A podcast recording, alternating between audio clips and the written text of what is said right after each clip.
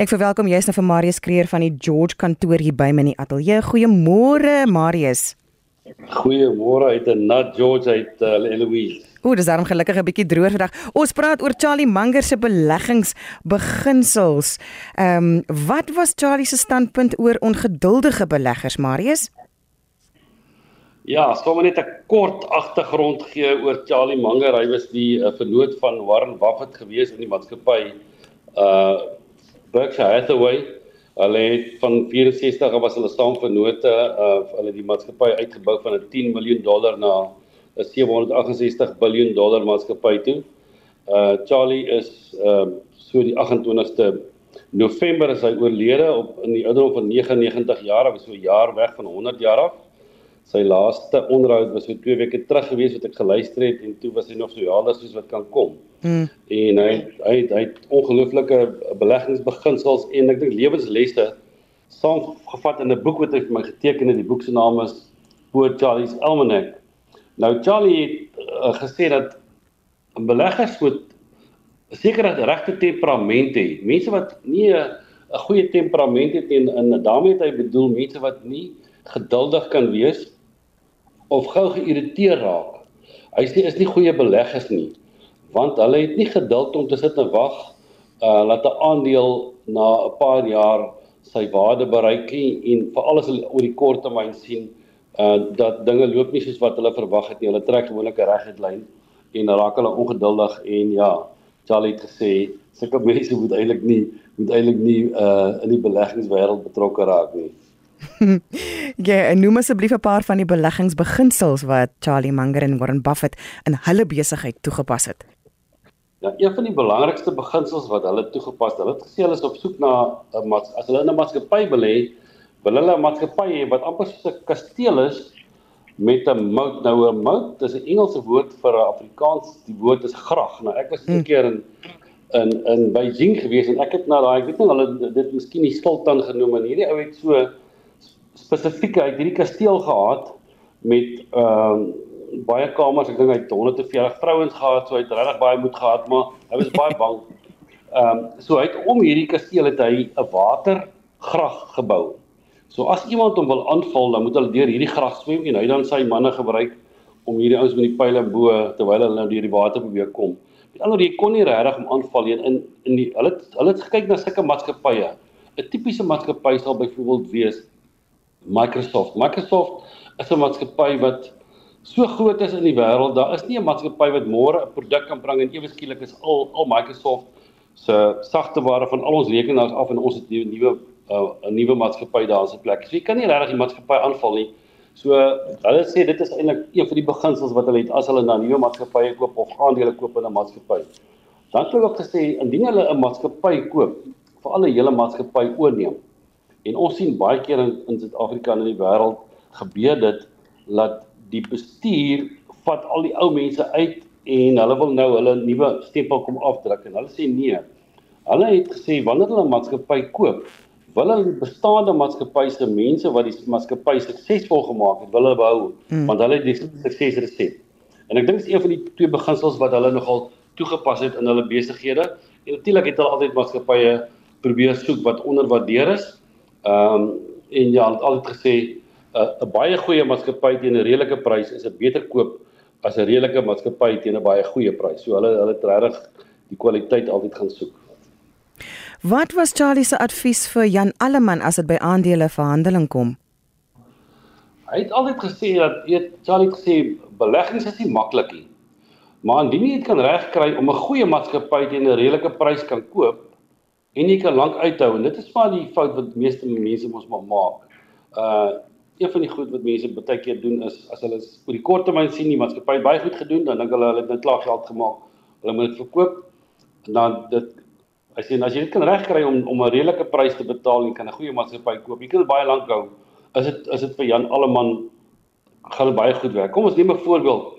Ons het almal groot geword om geld in die bank te in die bank te sit. Ons mm. geld in die bank gespaar. Met ander woorde, ons het maar die rente gekry wat die bank bied.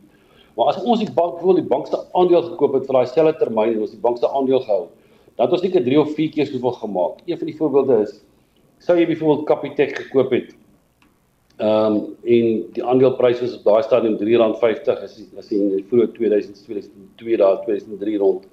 En hierdie aandeel gehou, uh, hy's nou 1900, hy was al 2200. Sjoe. Ehm um, maar in hierdie tydperk was daar tye wat die aandeleprys geval het van oor R1000 na R600.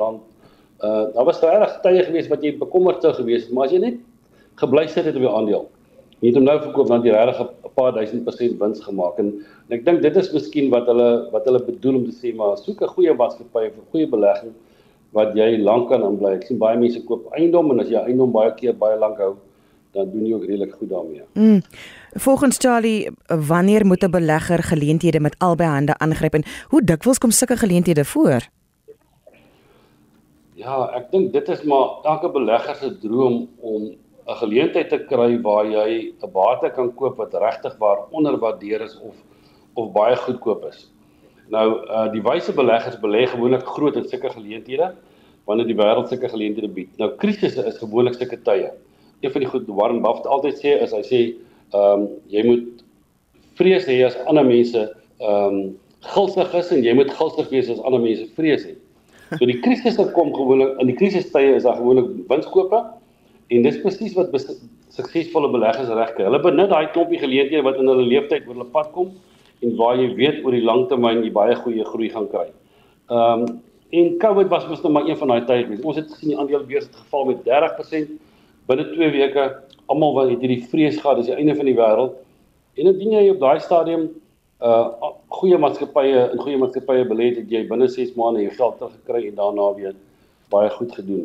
So en ek dink sulke geleenthede kom nie altyd nie. Ek dink um Charlie het gesê as daar 15 maatskappye is wat hulle uit hulle portefeulje uithaal, dan sou hulle groei eintlik gemiddeld gewees het, maar daai 15 maatskappye waar hulle hierdie goeie geleenthede gekry het, het gemaak het hulle regtig 'n baie bo gemiddelde groei gehad het. Mm.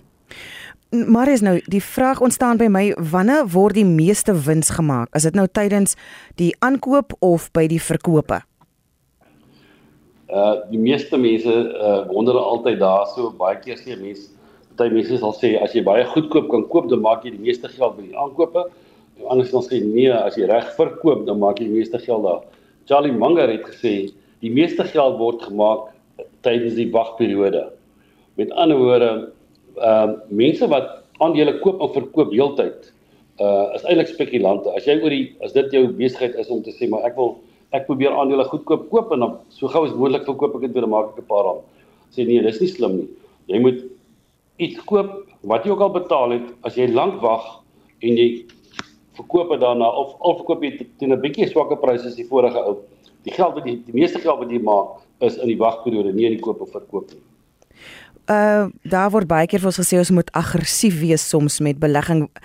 Wanneer is daai tye waar 'n mens meer aggressief moet wees as ander? Ek dink ehm um, daar's tye, ek het nou net gepraat van krisistye wat dit gebeur. Uh ons het byvoorbeeld 'n uh, voorbeeld gehad van Sasol wat so 'n paar jaar terug uh, sy aandeleprys geval het tot R29. Die mense wat die aandeel gekoop het op daai stadium uh hy het weer oorgegaan na oor die 300 rand toe as jy regtig aggressief was. Uh dink jy sien jy net dat jy wag eintlik vir 'n geleentheid en jy wil 'n spesifieke aan in 'n spesifieke aandeel belê en jy wag vir 'n geleentheid en dan gebeur daar iets in die mark soos 'n COVID of iets anders wat maak dat die aandeel baie goedkoper is wat jy eintlik ombou gehad het.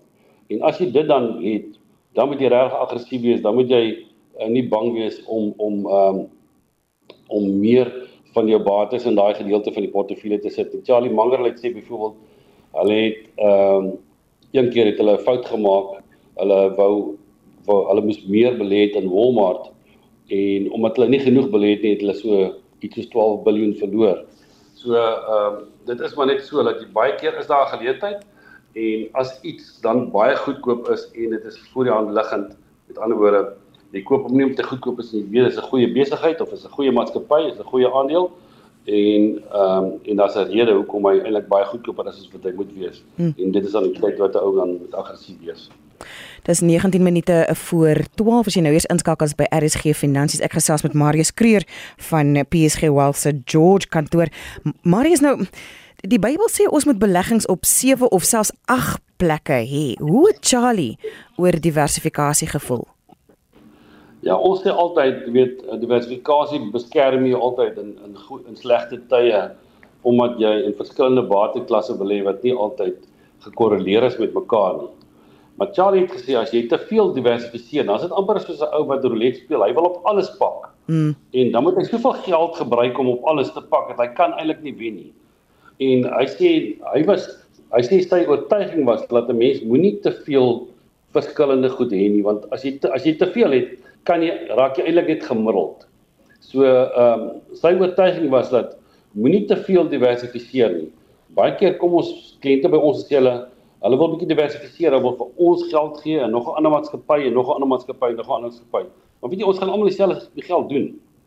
So dan is dit eintlik ehm uh, is eintlik te, te veel. Mm. So Charlie sê net moenie te veel op te veel goed jou jou jou op te veel blokkies jou geld pak nie want as jy te veel diversifiseer dan raak jy eintlik net gemiddeld. Nou volgens Charlie wanneer met 'n mens 'n aandeel verkoop want hy vra kom ook vir mense op.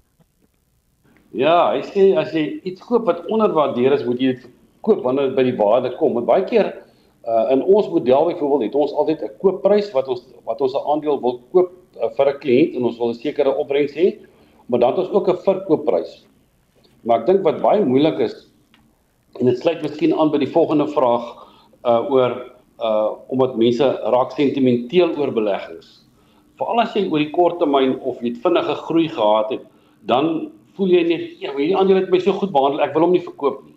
Uh of baie keer sien ons by mense dat mense erf 'n beleggingsportefeulje wat hulle pa gekoop het, maar hulle pa was as sien nou maar 'n Sasol man of 'n Naspers man mm. of 'n Anglo-American man of wat ook al.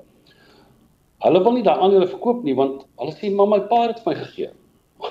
Ons sê maar dit is nie die beste aandeel om te hou in jou portefeulje op die oomblik nie. So 'n mens moet Jy moet as jy 'n sekere waardasie het waarteen jy 'n aandeel glo hy, hy gewaardeer moet wees en die aandeel se prys styg tot daar verkoop hom dan. En dat jy mos eintlik jou doel bereik. En die ander ding is jy moenie sentiment te veel sentiment in 'n aandeel hê nie. Uh want dit kan maak dat jy langer vashou as wat jy moet vashou en dan gaan daar ander geleenthede by jou verby. Ek het hm. nou eintlik na daai volgende uh, vraagie ook so ja, antwoord. Absoluut. En, en Charlie noem ook dat daar twee foute is wat beleggers meestal maak. Wat is hierdie foute? Hy sê die een is om niks te doen nie en en, en mense baie keer sien jy dat beleggers by ons kom en sê hulle hulle dink ons moet nou uit die mark uit gaan. En dan sê ek goed, as mense kan nou uit die mark uit gaan want die mark is lyk op 'n oomblik bietjie negatief, maar wanneer gaan jy terug? So baie mense ehm um, is bang uit hulle wag vir stabiliteit en stabiliteit die aandelebeurs tydjie draaitjie in 2 weke gaan dit tydjie met 20% op. So as jy daar verwag dan mis jy gewoonlik daai 2 weke of jy mis daai 20% groei want die goed gebeur baie vinnig. Mm. Die ander wat mense maak is hulle is nie oortuiging wanneer hulle iets koop nie.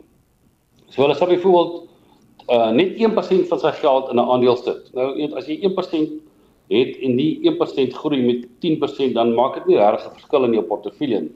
So as jy nie as jy nie oortuiging het dat iets regtig goedkoop is nie of dit dat dit die regte aandeel om te koop of die regte belegging te maak op daai stadium. Moet liewer nie doen nie. Moenie net 'n klein bietjie van jou geld daar ingooi. Uh want dit gaan in elk geval nie omdat jy nie oortuiging het nie, dit gaan nie vir jou werk nie want as die aandeel dan baie goed groei, het jy nie genoeg gewig daarin om om goed te doen nie. Ehm um, en dit gaan in elk geval nie 'n groot verskil in jou portefeulje maak nie. Mm -mm. Marius, hoe moet 'n mens dink oor 'n belegging van waarvan jy hoor en jy as almal net geld maak daarmee, maar jy weet nie werklik waaroor hy belegging gaan nie? Ja, dis een van die beginsels wat wat Charlie hulle gevolg het sê moenie in aandele of in 'n maatskappy of in 'n belegging belê wat jy nie verstaan nie. En dis hoekom mense gevang word met Ponzi skemas. Mm. Dis hoekom mense in goed belê wat klaar duur is, maar omdat iemand anders klaar 50 of 60% gemaak het, glo hy dit gaan net aangaan. Dit's baie keer met eiendom so. Uh by ons in George het dit nou so gebeur dat die laaste klompie jaar het eiendom ons nou ontsettend gestyg by ons uh want almal trek in hierdie wêreld in. Uh maar die fout wat mense nou maak om te sê maar weet jy kan nie 'n fout maak met eiendomme in George nie. Uh want die goed gaan net op. Ja. Maar die reël vir sê vir jou dit kan nie vir altyd opgaan nie. Want mense kan net soveel bekostig en dan kan hulle nie meer bly bekostig om hier te bly nie. So iewers moet daar 'n uh, uh afplatting wees. Dis dieselfde met 'n aandeel, dis dis dieselfde met baie ander bates. So moenie iets koop net omdat hy opgaan nie, maar en as jy nie verstaan nie, uh as jy nou sommer vir iemand gaan sê, verduidelik vir my wat is kripto? So baie mense sê maar hulle wil ook daarin belê of hulle het daarin belê, maar hulle verstaan dit nie regtig. Hmm. So een van Charlie hulle sê se beginsels was as jy moenie in iets belê wat jy nie verstaan nie. Ehm uh, want dan's daar gewoonlik slaggate wat jy nie van weet nie en dis gewoonlik die goed wat jou gaan byt. Verseker, dis die stem van Marius Kreer van PSG Wealth se so George Kantoor is ingeskakel by RSG Finansies. Uh, ons het gepraat oor Charlie Munger se beleggingsbeginsels en nou praat ons verder oor die lewenslesse. So Marius, wat is van die lewenslesse wat jy by Charlie geleer het? Ja, weet jy, daar's 'n klomp goed wat ek nou maar baie oor gelees het en geleer het en ek het ook baie na hom geluister, 'n paar keer na hom geluister in ouma by hulle jaarvergadering. Ehm um, en, en hy het eendag gesê oor wysheid. Hy sê in sy hele lewe het hy nooit 'n wyse persoon gekry wat kennis het oor 'n wye area wat nie baie lees nie. Mm. Hy sê jy sal verbaas wees hoe baie hy en Warren lees. Ek weet hulle lees so 6 of 8 koerante voor hulle begin werk in die oggend. Mm. Ehm um, en hy sê sy kinders het gedink hy's 'n boek met twee bene. Want ehm um, jy weet voor hy gaan studeer het, het hy ehm um, voor hy uh regte studeer het in Harvard, het hy ehm um, weerkunde, hy het wiskunde en hy het wetenskap gaan studeer, hy het grade gekry daarin. En sy hele lewe lank het hy eintlik nooit opgehou studeer nie en no nooit opgehou lees nie. En iemand het eendag vir Warren Buffett gesê, "Wat moet ek doen om 'n om 'n om 'n suksesvolle belegger te wees?" Toe sê hy, "Lees alles wat jy kan." So ek dink mense wat nie lees nie, ehm um, weet jy kan net nie baie kennis hê in die wêreld nie. Jy kan 'n bietjie ervaring opdoen in jou spesifieke veld, maar dis belangrik om om baie te lees. Wat het hy te sê gehad oor kliënte? Ja, hy sê mense moet jou kliënte soos jou vriende kies. Hy sê ook jy moenie met obskure karakters besigheid doen nie. Uh dis 'n groot les. Ehm um, want baie keer ek dink kyk mense na die geld vas in die transaksie en nie na die karakter met wie hulle besigheid doen nie want mm. indien jy met 'n persoon besigheid doen wat ander onderduimse dinge, dinge besig is, alles is nie in jou transaksie nie. En hierdie goed kom uit dan raak dit dan kom hierdie goed word teruggetrek na jou toe. En ek dink dis 'n dis 'n belangrike les om om te leer te sê maar kies jou kliënte jou soos wat jy jou vriende kies. En dan eh, kon hy vir ons raad gee oor hoe om iets waardevol uit die geskiedenis te leer. Ja, weet jy, Charlie sê as 'n mens ehm um, die geskiedenis is 'n baie beter beter leermeester as baie van die ander goed. Hy het gesê daar's daar's antwoorde in 30 boeke wat 30 dollar kos wat bil, biljoene werd is. So en hy het gesê die mense wat die geskiedenis uh nie wat nie uit die geskiedenis uit leer nie, herhaal dit. So ja, daar's verseker baie om om die geskiedenis uit te leer. En ehm um, wat is Charlie se geheim om suksesvol te wees in die lewe? Dis altyd wonderlik om by sulke mense te kan hoor. Ja, hy sê doen die werk reg die eerste keer. Dit sal jou baie tyd en frustrasie spaar. Niemand word 'n goeie belegger oor 'n kort tydperk nie. Warren Buffett het 'n baie goeie belegger geword oor baie jare die geheim is om aan te hou leer. Uh en die geheim van sukses in die lewenstyl is dissipline, harde werk en oefening. Dit is soos golf. Jy kan nie verbeter sonder om te oefen nie. En as jy baie van die sukses in die lewe gaan oor dit wat jy moet vermy, dit is nog 'n 'n heeltemal 'n ander hoek wat hy hierso inslaan. Hy sê as jy slegte vriende, dwelms, verkeerde lewensmaat, uh dis nog 'n ding wat nogal wat hy baie op gehamer het. As jy finansiëel suksesvol wil wees en jy kies die verkeerde lewensmaat en jy kies iemand wat wat hou van spandeer. Mm. Jy kry mos sulke mense wat nie kan nie koop nie. Hulle moet koop. As hulle by 'n winkel ingaan en koop hulle goed wat hulle nie nodig het nie, hulle hou aan koop. Dan sulke mense maak dit jy eintlik nie gaan geld hê om te te belê nie. So hy het gesê as jy net 'n klomp van hierdie slegte goed vermy, dan is jy eintlik al klaar redelik suksesvol in die lewe en dan het 'n paar goed reg doen. en ek dink baie mense kry dit nie reg nie. Hulle het hierdie goed vermy het. Dan daar baie ander goed in lewe wat verkeerd geloop het, nie verkeerd geloop nie. Mm. So ek dink dit is dis jy het wel 'n ander hoek, maar ek dink is dis goed om te weet. Nee, verseker. Hy sê daar gaan altyd iemand wees wat vinniger geld maak as jy. En die grootste fout wat jy daarop kan maak, kan maak is om jaloers te wees en dieselfde resep te probeer. En dan mense net baie keer omdat mense maar wil bybly met die by die bure langsam met dieselfde motor en die in dieselfde mooi goed in die huis en mense gemaak baie keer skuld om hierdie goed te koop wat hulle op 'n vandag nie kan betaal nie. Ja. En dan sê natuurlik jy het 'n groter kans op sukses wanneer jy iets doen waaraan jy intens belangstel. Uh hy het van kleins af het hy gehou van lees en leer. Hy het ook laterand het hy gaan uh homself uh in 'n in 'n ehm uh wat is die ding ouens wat nou huise ontwerp? O, argitektuur argitektuur het hy gaan studeer. Hy gesê want hy wil alles van die lewe af, soveel as moontlik van die lewe af weet in weerkunde. Hy het nou in weerkunde uh as 'n mens weet, hulle het byvoorbeeld 'n maatskappy gehad wat uh korttermynversekering doen. In Amerika is 'n groot deel van die eise is die die die storms wat hulle kry. Wat want van van 'n huise vernietig. So as jy bietjie weerkunde ken, dan dink ek kan dit jou nogal help daar. So hy het nogal baie regtig probeer om soveel as moontlik te weet. Ehm uh, van van die weer. Hmm. Want hy ook natuurlik sê jou trek rekord is baie belangrik. Hy sê wanneer jy vroeg in jou lewe 'n vlekkelose rekord het van eerlikheid, is jou kans op sukses baie groot.